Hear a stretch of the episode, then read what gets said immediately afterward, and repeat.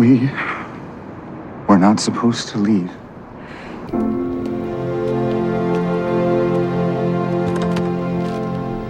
We have to go back, Kate.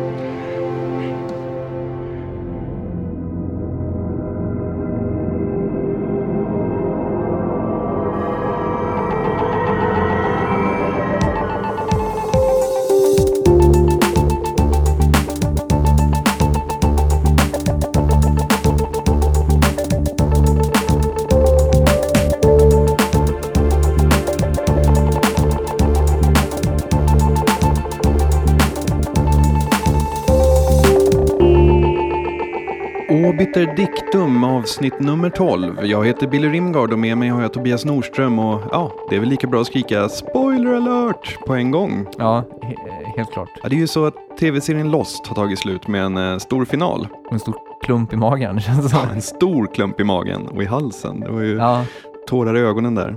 Så vi tänkte avverka ett helt avsnitt om Lost, Mm. för eh, vi har ju väntat på den här finalen, ja i princip sedan den 22 september 2004 när eh, serien drog igång. Eh, Lost var ju ändå en, den sortens serie där man verkligen såg fram emot att nå målet. mm.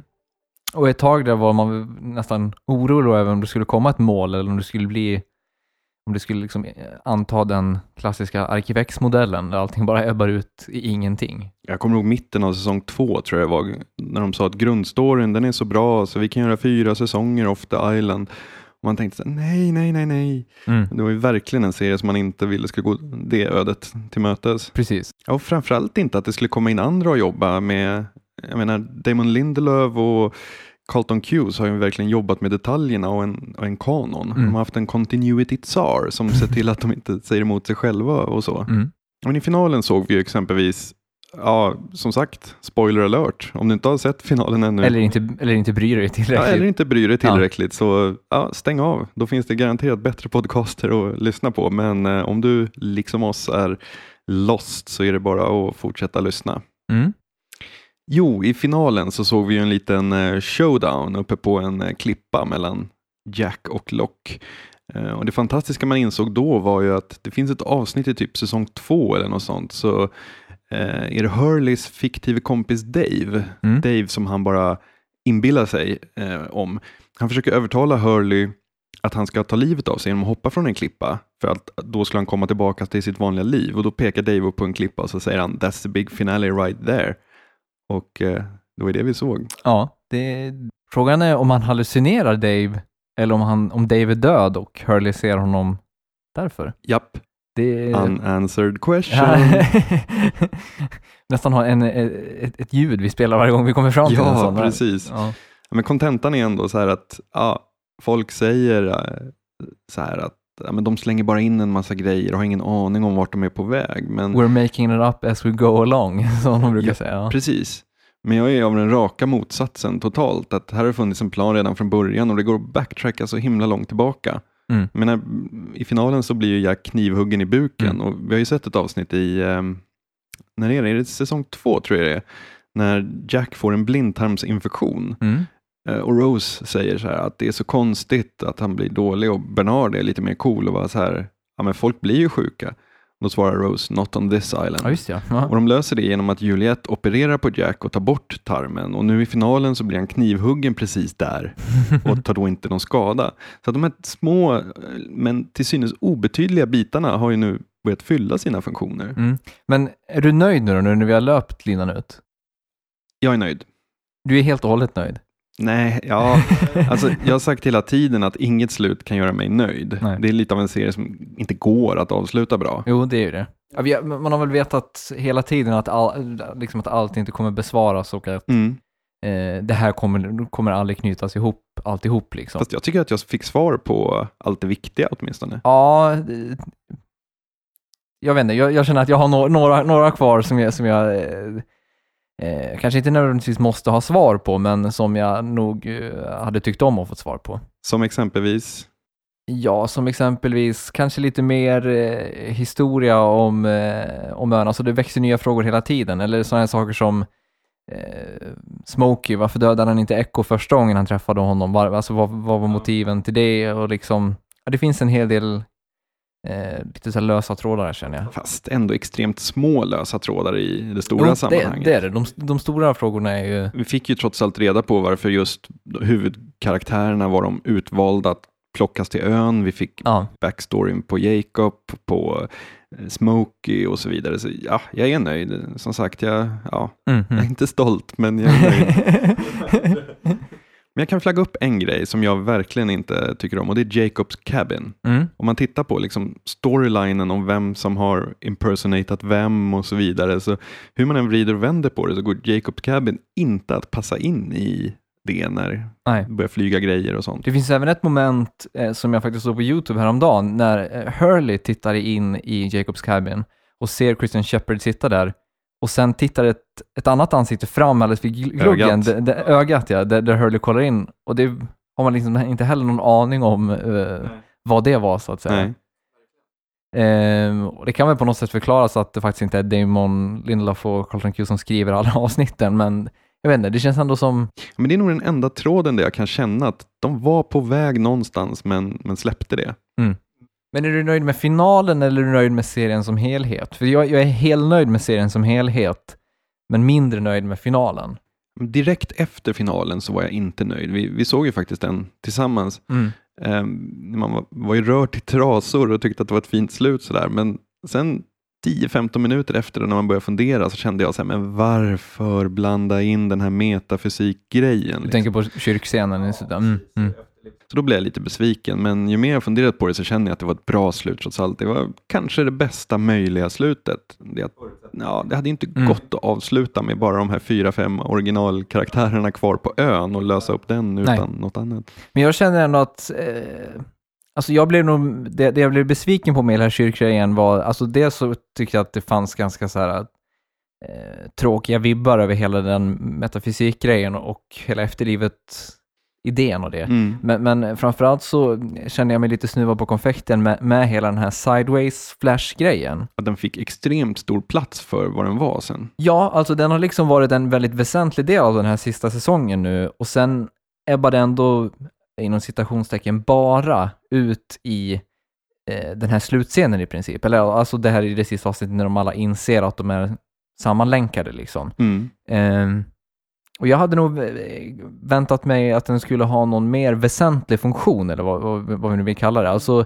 de har ändå berättat historier i det här i det sidospåret väldigt länge liksom. Och sen då i slutändan låter de historierna egentligen inte leda någon, någonstans alls, förutom till att, att de hittar tillbaka till varandra. Fast i min värld så har liksom titeln Lost handlat lika mycket om karaktärernas situation, att alla är förlorade på sitt sätt. Eh, genom daddy issues eller eh, Mm. eh, alkoholism, narkotikamissbruk, otur och så vidare. Och serien har ju liksom handlat mest om deras väg att gå från trasighet till att finna sig själva i varandra på något vis. De hittar hem och kommer fram. Är du med på hur jag... Ja, ja, ja, jag är med. Jag, jag, jag vet inte om jag håller med riktigt dock. Eller för, alltså för mig har karaktärerna, visst, de har varit jätteviktiga och jag har verkligen i stunder tyckt om dem ofantligt mycket. Men, men samtidigt så är de för mig snarare relän genom vilka den historien om, om ön och eh, den här mytologin berättas. Alltså Mm. förstår jag menar? Att, eh, jag har alltid tyckt att historierna, eh, hur de påverkar deras eh, karaktärernas relation till varandra på ön, alltså deras backstories och sånt, hur det influerar deras agerande på ön är intressantare ur det aspekten än eh, vilka de faktiskt är som personer, om du förstår vad jag menar.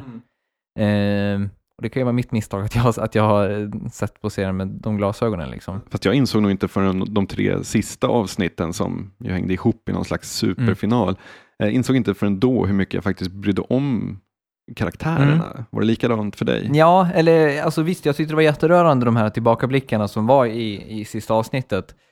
Eh, men jag känner ändå att liksom, nej, alltså jag, jag är ändå mer, mer intresserad av eh, alltså själva finalen eh, mellan Jack och eh, Smokey.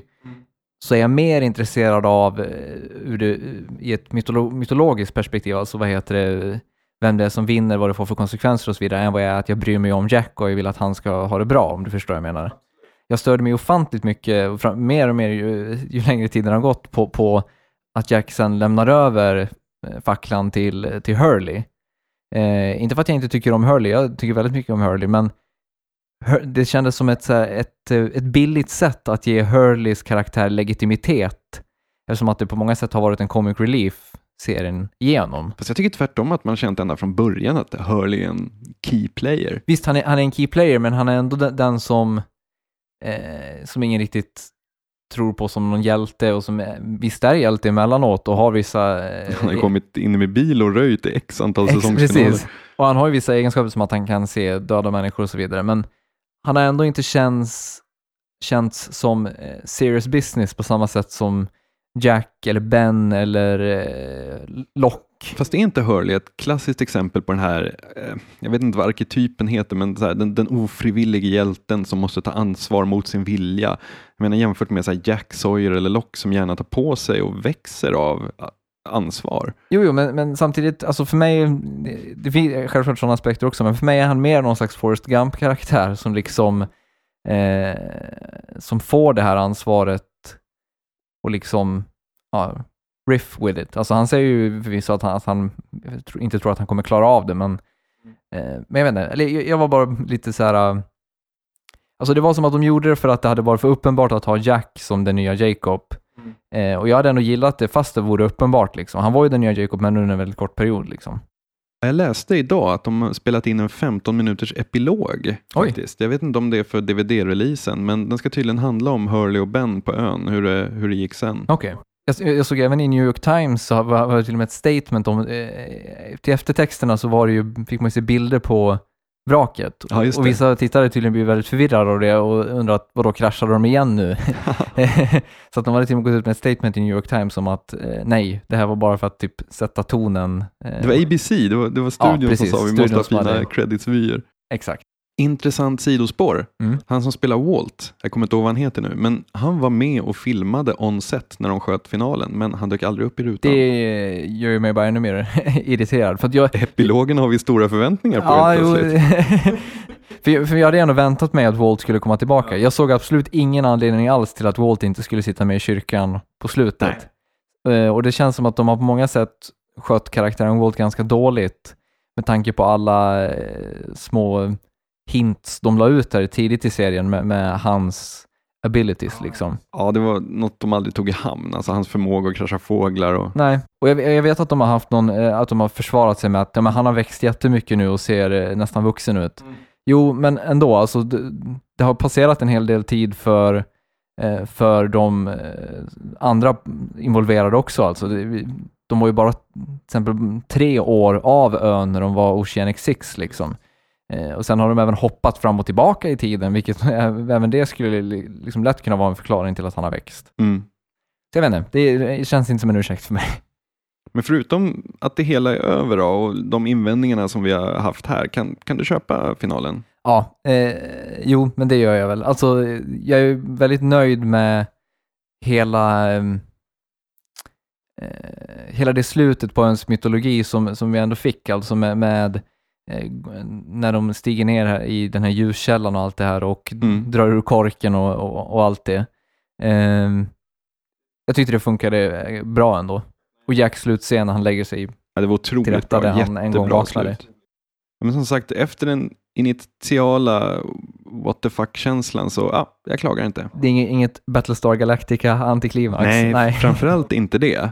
Men ehm, ja, det är inte alla som är så, så relativt nöjda som vi är ändå. För det dök upp en rolig eh, YouTube-film kort efter finalen. Vi kan ta och lyssna på den lite Why kort. did he insist that her son had to be raised by Claire? Why did the others want Walt so badly? Who sent Kate the letter telling her about her mother being treated for cancer in the hospital? How does Walt know about the hatch, and why does he warn Locke not to open it? Why does the smoke monster make mechanical sounds? How is Walt able to apparate before Shannon? How did Walt communicate with Michael using the Swan computer? What is the deal with Kate and that horse? Why are supplies still being dropped on the island after the purge, and by who? What triggered the lockdown, and why on earth would anyone design it so during the lockdown black lights go on? What happens to the original Henry Gale? What happens to the original timeline, Libby, between the mental hospital and getting on the tail section of Flight 815? Who built the four-toed statue? Why does only one specific bearing get you off the island? What are the hieroglyphics on the Swan countdown timer about? Why did Tom feel the need Det intressanta med den här klippet, det är ju det att visst, han har många poänger.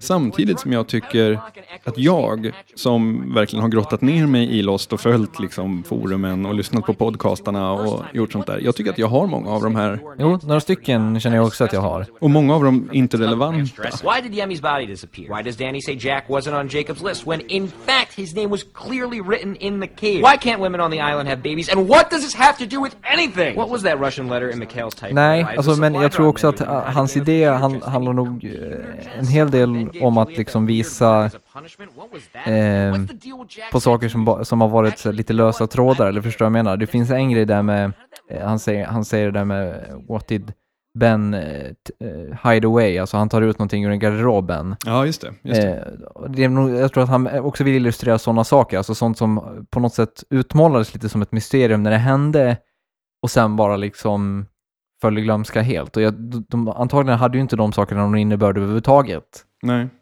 Men Lost är ändå en serie där allt granskas liksom. Ja, verkligen allt. Mm. Något som man har varit extremt sådär fascinerad över, det är ju att det som normalt kan avskrivas som continuity errors, fel i produktionen, inte kan göra det med Lost.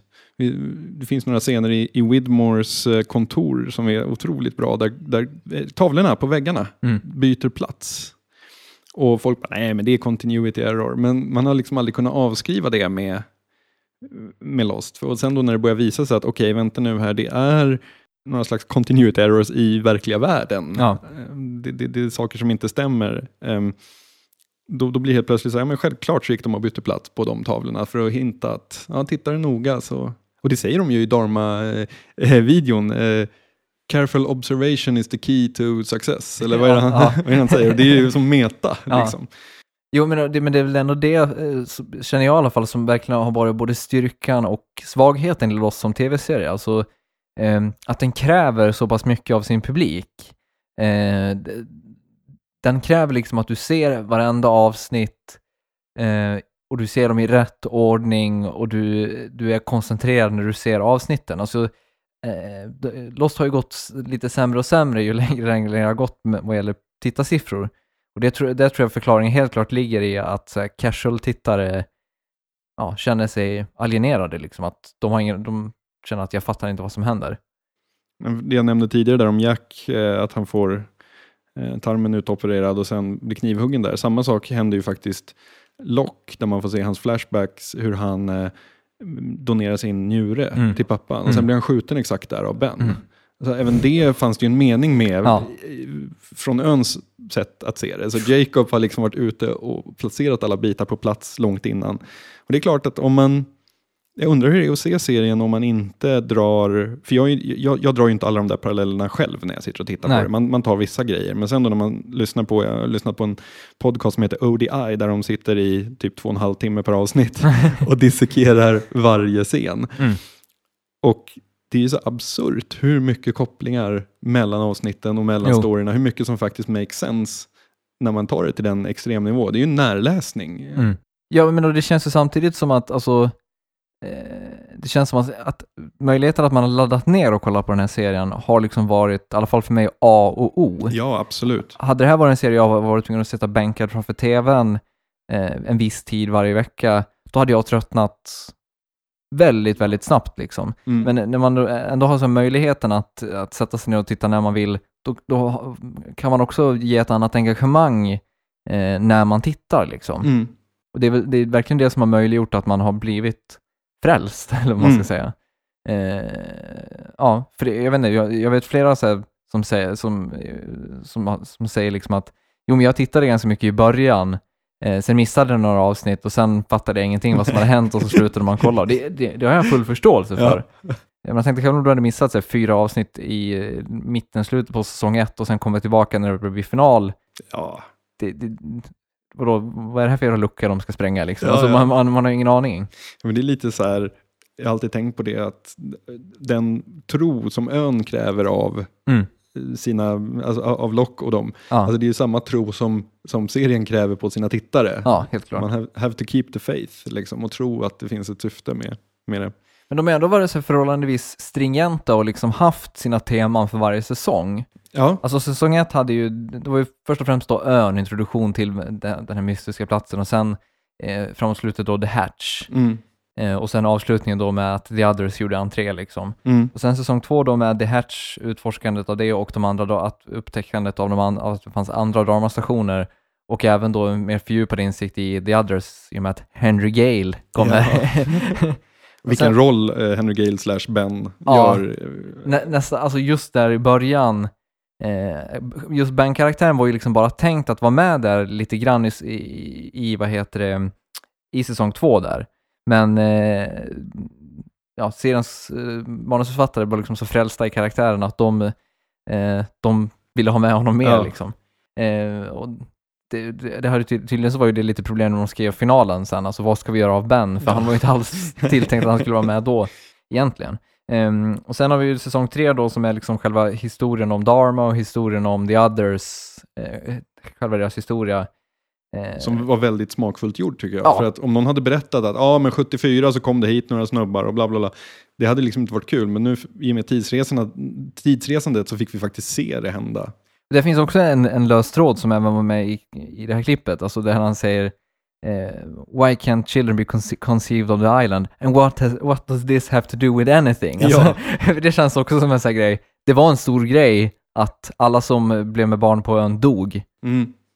Men sen har vi liksom ingen aning om vad det har, spelar för roll överhuvudtaget. Liksom. Fast där, där är ett typexempel på en sån sak som jag kan känna så här, okej, the island has unique properties. Det har de ju berättat i, Mm, liksom, mm. Det, ju, det var ju därför Dharma var där och utforskade. Mm. Om vi accepterar att ön har extremt speciella egenskaper, vilket den har, då tycker jag så här, jag kan kö- så här, efterhand kan jag köpa då att ja, men det går inte att, att föda barn där. Nej men då får man, alltså jag vet inte, det känns ändå konstigt att bara släppa det helt på något Ja, sätt. i och för sig. Men, men, jag kan, men alltså, det är ju precis som man har släppt, hur kunde Hurley starta Dharma-vanen efter Ja. den har stått 25 år på en kulle. Den borde vara sönderrostad och bensinen hade... Eller varför kommer det, fortsätter det komma food drops trots att Dharma är nedlagt för länge sedan liksom? Precis, Ja. precis. Fast fooddropsen har väl att göra med tidsresan. En fooddrop som är Fast det släppt kommer- på 70-talet kan fast- kom, landa på Ja, du menar så. 2000-talet. Ja, jo, det, det är sant. Ehm, men nu, vad var vi? Just säsong tre. Säsong fyra sen då är ju Oceanic Six och Ja. att de faktiskt har tagit sig av ön och eh, följer då hur de ska ta sig tillbaka till ön. Mm. vilket då mynnar ut i början på säsong fem med att de kommer tillbaka till ön, men ön är unstuck in time och hoppar fram och tillbaka i tiden. Mm. Och sen har vi då sista säsongen som eh, fokuserar på historien om Jacob och Smokey och, och hela den här sideways-storyn Mm. liksom. Mm. Och det är ändå så här, alltså, man har ju fått sina små historier genom de här säsongerna känner man. Mm. Alltså, man har liksom lagt bit för bit om öns mytologi på ett ganska, på ett jäkligt smart sätt. Ja. Ehm, och det känner jag, alltså det, det kan jag känna, med lite undantag då för, för den sista sidostoryn eh, i sista säsongen, vad den mynnade ut i, så är jag väldigt nöjd med hur det har fungerat. Liksom. Det, det Mm. har hjälpt mig väldigt mycket känner jag. Framförallt så kan jag känna att, eh, nu ska inte jag sitta här och vara någon slags här, eh, försvarare av att allt var perfekt med serien. Men framförallt kan jag känna att vissa av de här sidostoryna, som hela den här grejen med, med Widmore, där Mm. man aldrig riktigt, riktigt fattade hur ön passade in i hans affärsimperium och varför han en gång i tiden hade rattat både Donkeyville och så vidare. Ehm, jag kan ändå gilla att det bidrar till mytologin, att mytologin blir större. Att okej, det finns otroligt mycket mer om det här. Mm. Det, det var inte bara så här att Jacob och eh, The Man in Black hade suttit och skavt på en strand här i några hundra år och sen kom våra killar och Nej. tjejer. Alltså jag håller helt klart med och jag, gillar det också väldigt mycket. Eh, samtidigt som, alltså vi har fått väldigt mycket, Ja- vad heter Jacob och Smokey, alltså hela den historien, den känns väldigt komplett liksom. Mm. saker off ön känns i vissa fall inte riktigt lika kompletta. Alltså man behöver inte ha all, alla de sakerna kompletta heller. Man, man kan ju nästan önska att de om ett år eller två år eller någonting sånt där släpper någon slags så här, uh, The Creators Guide to Lost. Ja. Där de berättar, kanske inte nödvändigtvis ger svar, men i alla fall berättar vad de, vad de eh, tycker om, eller hur de tänkte. Ja, utvärderar. Lite självkritik liksom. Men frågan, det man frågar sig är ju vad som ska ersätta, för jag tror, kommer det komma någon mer serie som Lost som man måste verkligen titta på på den här detaljnivån? Jag är tveksam. Alltså jag är också väldigt tveksam. Eh, det, för det känns ju även som att Lost har liksom sträckt sina armar över ett väldigt brett spektra liksom. Mm. Alltså, eh, till exempel då, så när man kollar på Mission Impossible 3, regisserad av J.J. Abrams, vad ser man i eftertexterna då? Jo, tack till Dharma Initiative. Alltså så, Ja. sådana saker Ehm, Var de först ut med alla de här eh, fabricerade fa ja, olika företagsnamnen och stiftelser och grejer, just när det gäller viralgrejen? Alltså det, det, Args har ju funnits eh, längre, men de tog det ju helt klart till en, en mycket, mycket större nivå än vad som någonsin har gjorts. Alltså hela Lost Experience-grejen är ju liksom... Eh, det är fantastiskt hur många, som lyckades, hur många de lyckades involvera i hela det lilla Mm. spelet, så att säga. Mm. Med, med allt ifrån stora billboards med, med koder och grejer på till, eh, till små, små hemsidor där det gällde att lägga något litet pussel och så vidare. Mm. Ehm, Hitler var upprörd i alla fall över att ha spelat. ja, jag såg det också. Eh, Du får vi tacka Daniel Mattsson, vår, eh, på Twitter ja, som tipsade om eh, ja, en otroligt bra eh, Hitler-parodi efter att Hitler har sett finalen. Den eh, länkar vi givetvis till på oddpod.se. Men då, även- alltså, vi har ju dels då just, just det, Lost Experience och alla de små viralgrejerna. Och sen har vi även de här, vad heter det, mobisodesen, alltså de här Mm. små eh, avsnitten som har släppts. Mm. Eh, som också är liksom någon slags liten del i hela, eh, i hela story-arket, men som, Mm. som på något sätt även finns utanför. Ehm, så det är ju liksom en stor serie med stora anspråk. Eh, och det kräver ju, det kräver liksom dels att man har en stor studie bakom som är, som är beredd att satsa och det kräver att man även har en, en, en, en publik som är beredd att lägga ner den tiden. Ja, men det är helt galet att bara köra en serie med 15 main characters. Ja. Alltså, det är ju helt sjukt. Ja, det, det är helt galet liksom.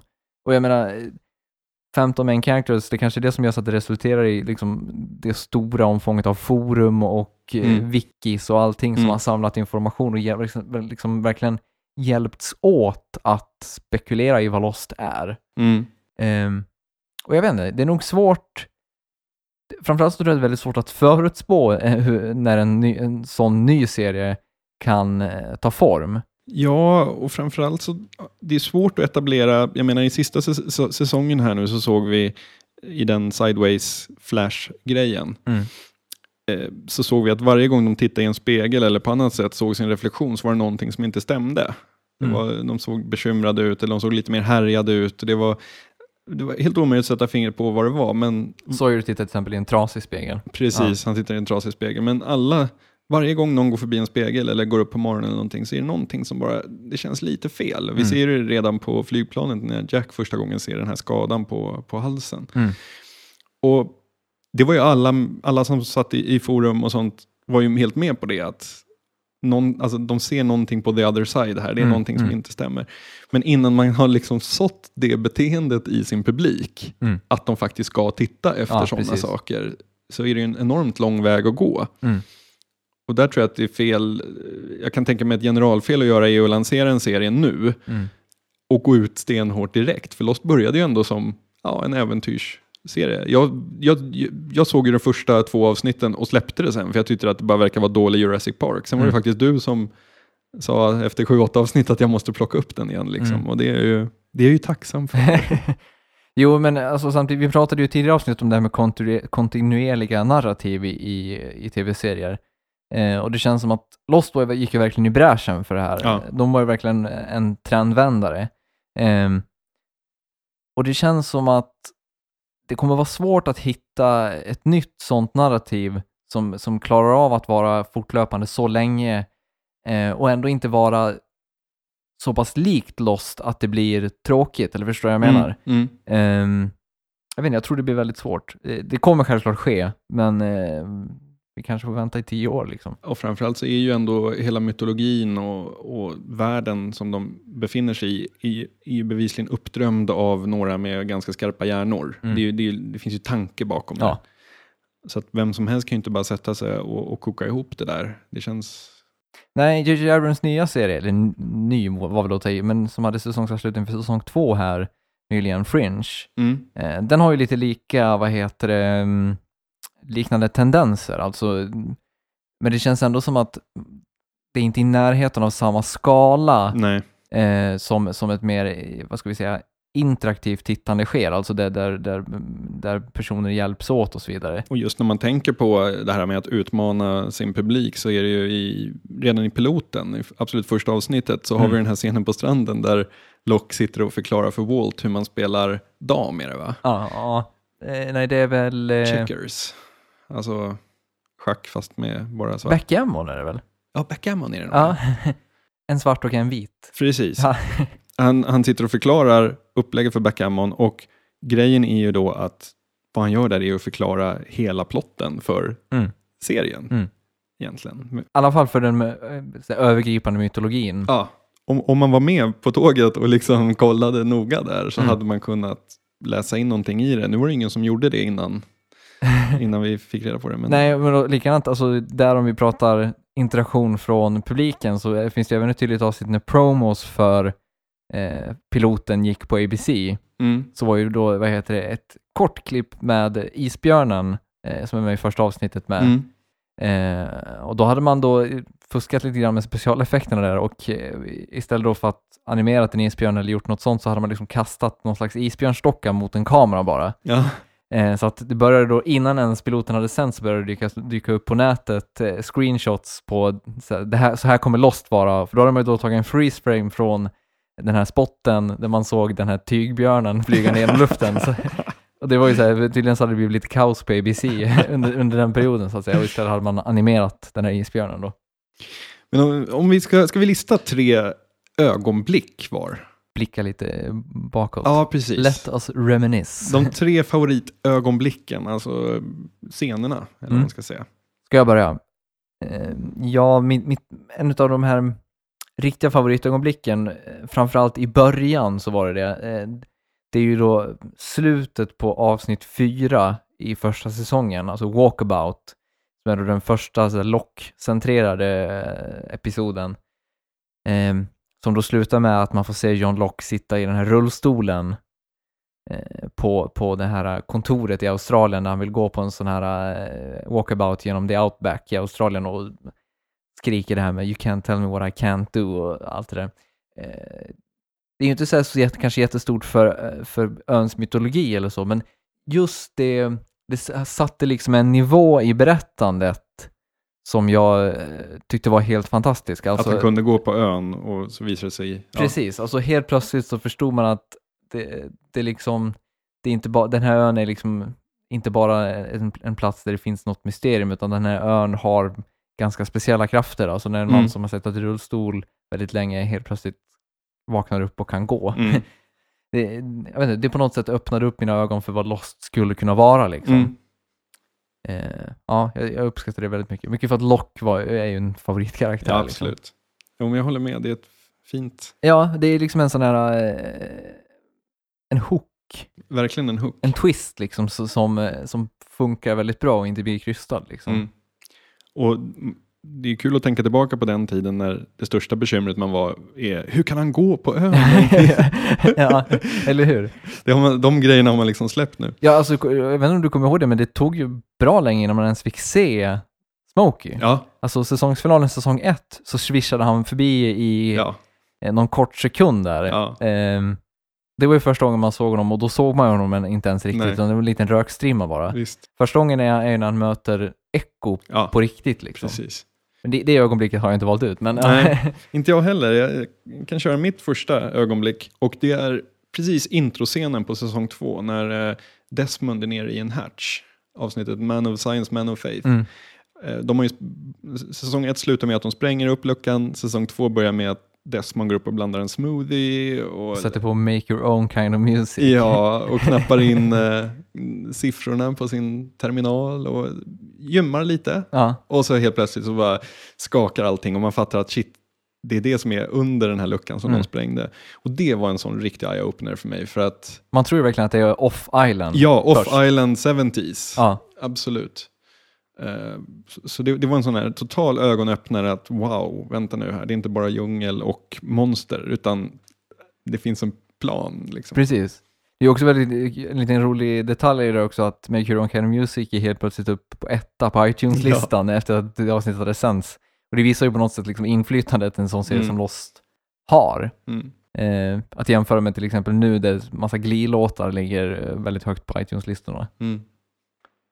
Ska du ta din nästa? Eh, ja, det är då början på avsnitt 16 och 17, alltså avslutningen på säsong 5, Mm. The Incident. Mm. Eh, som då börjar med att vi får se en man som håller på och väver en matta Och vi har ingen aning om riktigt var vi är i tid eller var vi är i plats så att säga. Och sen helt plötsligt så eh, går det upp för oss när han sätter sig på stranden och äter fisk att vi är på ön och att den karaktären vi ser är den här omtalade Jacob som Mm. vi har liksom fått höra om väldigt länge liksom. Som jag trodde var en så straffande mörk man. Precis, Liksom. He- helt plötsligt sitter han liksom livs, som en livslevande människa och pratar med en annan människa. Och rätt soft människa också. Ja. Så här, ja. Och sen kläcker den andra människan helt plötsligt ut sig, för- säger att du vet väl hur mycket jag vill döda dig. Mm. Och det är liksom på något sätt, det är samma sak här. Här- Här öppnades liksom ett helt Mm. plötsligt en helt ny, ett helt nytt lager av Mm. Lost upp. Alltså Verkligen. eh, mytologin blev pl- plötsligt vidöppen Mm. liksom. Ehm, och det, det var, jag vet inte, det kändes väldigt häftigt liksom. Eller att man, eh, ja, det var, det var eh, omvälvande. Jag har en liknande sånt ögonblick på min lista härnäst. Och det är mycket, mycket mindre skala, men ändå viktigt. Avsnitt 17 av säsong 2, Lockdown heter det. Det är när eh, de hittar det här food droppet, alltså Mm. när supplies släpps. Det var liksom den första gången, det var också en sån riktig så här, ögonöppnare, för det var första gången när man fattade att de inte var på en isolerad plats mitt i ingenstans, utan att det faktiskt fanns folk som, ja, som använder den här ön som en bricka i något slags spel. Det, det satte griller i huvudet på en, för man funderar så här, okej, så det här är bara någon jävla mindgame de är med i. Det är någon som har satt dem där och ska testa hur länge de kan. Alltså, ja, Ja, det öppnade också upp för väldigt mycket frågor. ja, helt klart.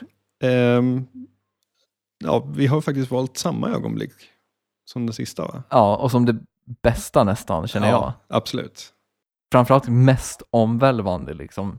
Ja, herregud, då kommer jag ihåg att det var gåshud och bara sådär, allt måste revideras. ja. Det är ju i eh, avslutningen av säsong tre, eh, Through the Looking Glass. Mm. Det är ju då eh, själva slutet när, vad heter det, vi har då följt Jack i en flashback, tror vi. Mm. Eh, och helt plötsligt så, vad heter det, träffar han Kate i den här flashbacken och berättar för henne att we have to go back.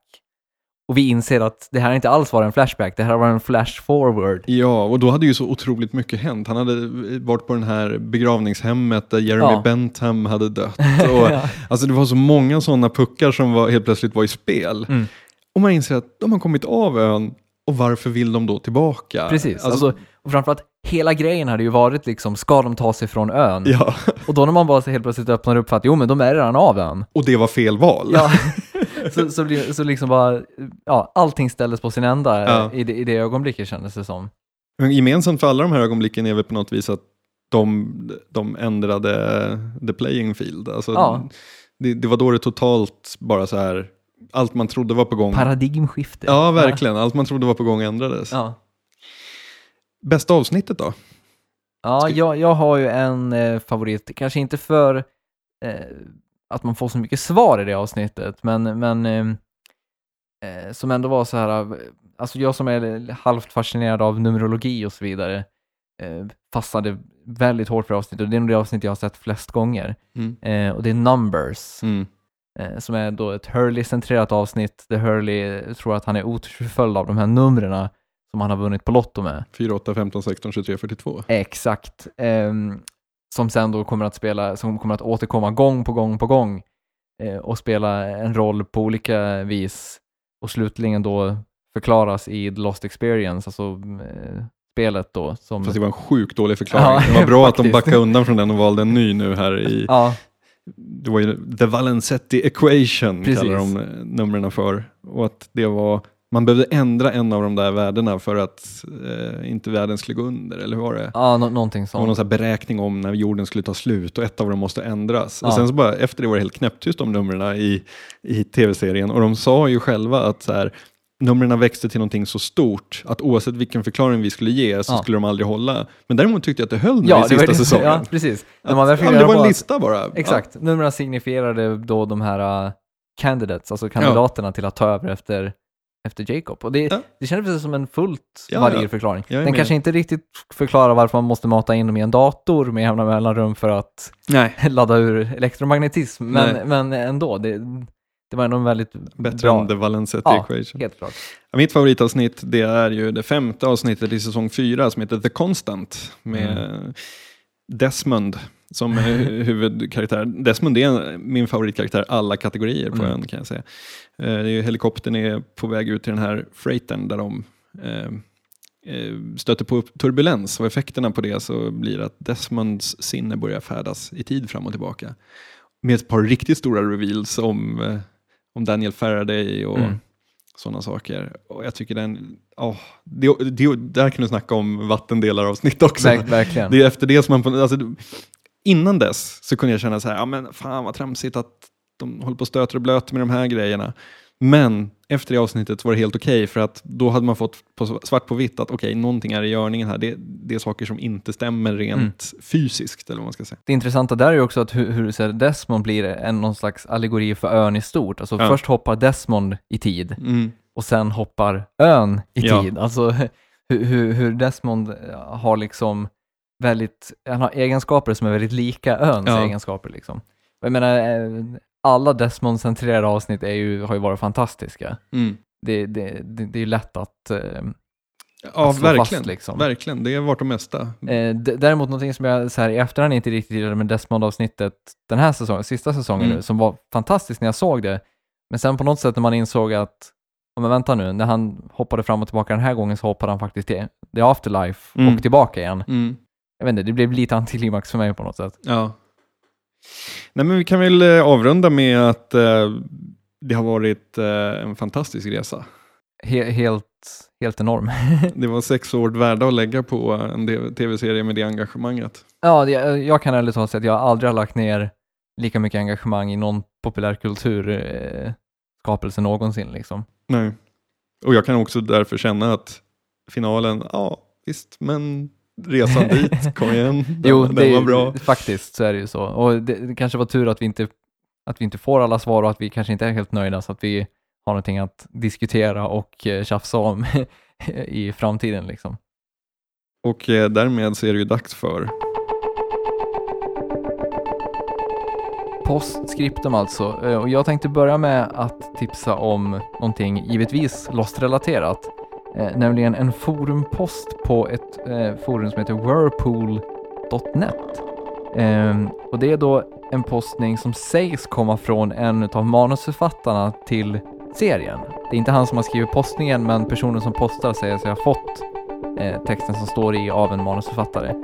Eh, och det, ska, det, ska, det, det, ser då, det är utformat som ett brev skickat från en av manusförfattarna till någon som jobbar på ABC, där den här manusförfattaren förklarar slutavsnittet, avsnittet, alltså förklarar hela finalen för eh, den, eh, den icke oinvigde, eller kanske den som inte har varit ett jättestort fan av serien. mm, Ehm, och där, där får man liksom hans tankar, idéer eh, på ett väldigt intressant sätt och väldigt ehm, ja, givande på många sätt.